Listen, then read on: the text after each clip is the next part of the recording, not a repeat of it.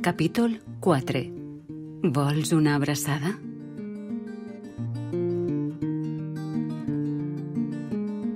Matí del 8 d'octubre. Laia desperta a l'habitació de l'hotel. Un llit d'ús 50. Ningú a l'altre costat. Soc Jaume. Ara no puc atendre't. Deixa un missatge que et telefonaré. Gràcies. I Laia es tomba al llit, mirant cap al sostre amb certa preocupació a la cara. Cafè i croissant, per favor.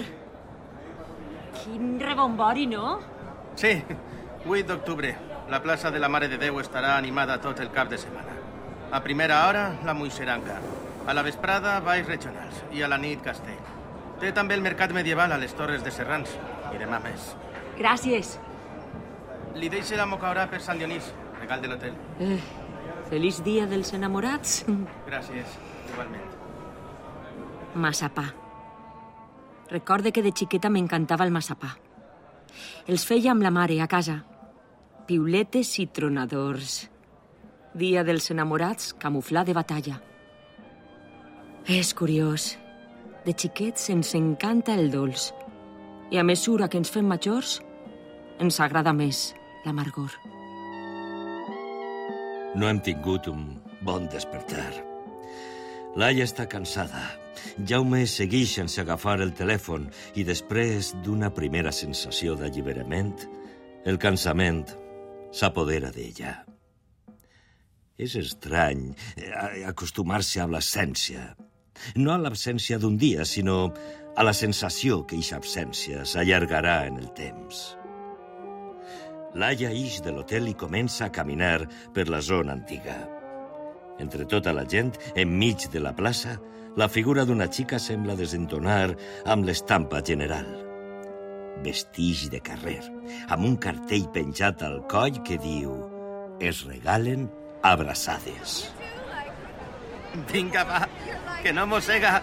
No es pentes, collons. Nena, ves alerta, que este és un calent.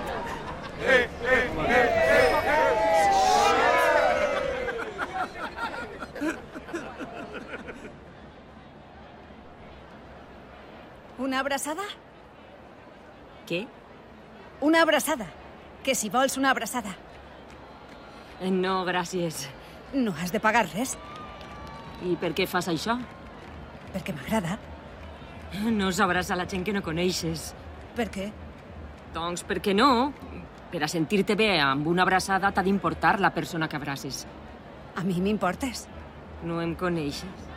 I? Massa hippie per a mi. Eh, espera, què és hippie? Desitjar que la gent se senta bé? Perdona, no, no volia jutjar-te. Però el xiquet abraçat i els seus amics es burlaven de tu. Com et dius? Laia. Ostres, jo també. De veres? No, què va. Em dic Joana. Encantada, Laia. No et demanaré res. És només una abraçada. Si et va bé, fantàstic, i si no, a seguir el teu camí. Eh, Tu decidixes. No mires els altres. Què importen? Joana obri els braços i Laia s'hi acosta a poc a poc.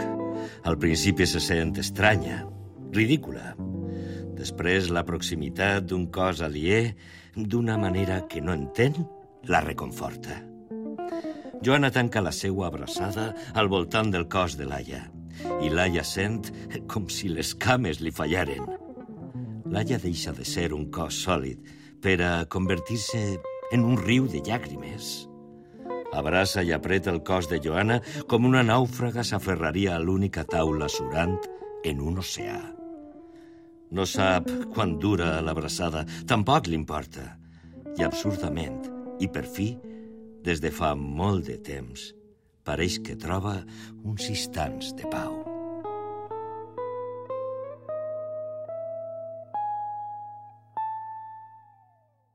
Jaume, suposa que n'hauràs dormit en un banc del parc. Torna demà a Barcelona.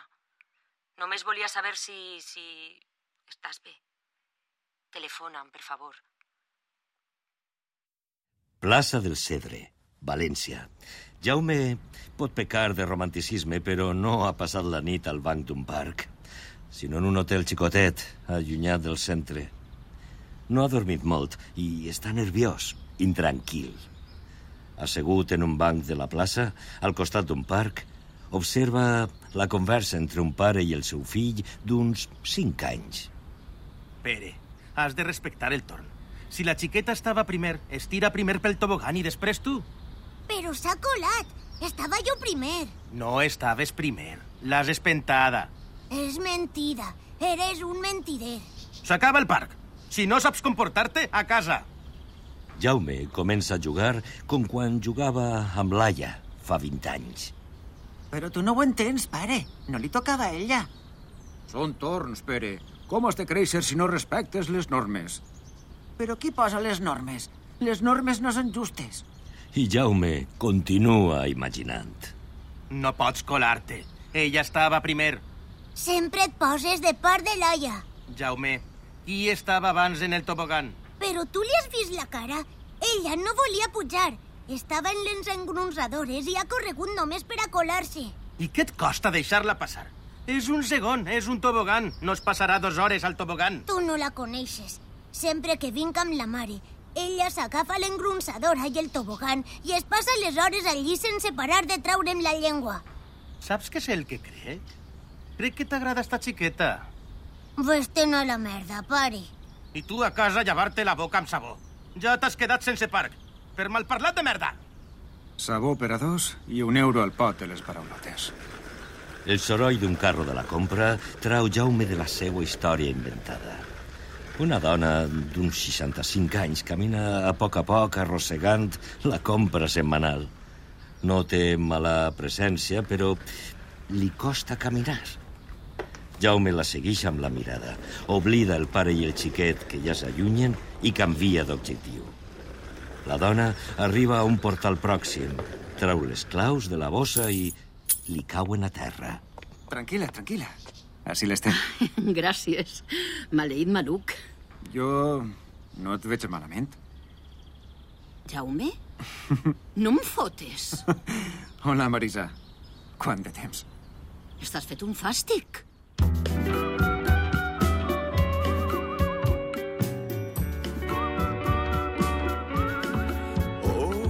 Amb les veus de Marta Xiner, Juan Carlos Garés, Darío Torrent, Eva Bau, Daniel González, Pilar Martínez i Eva Andrés.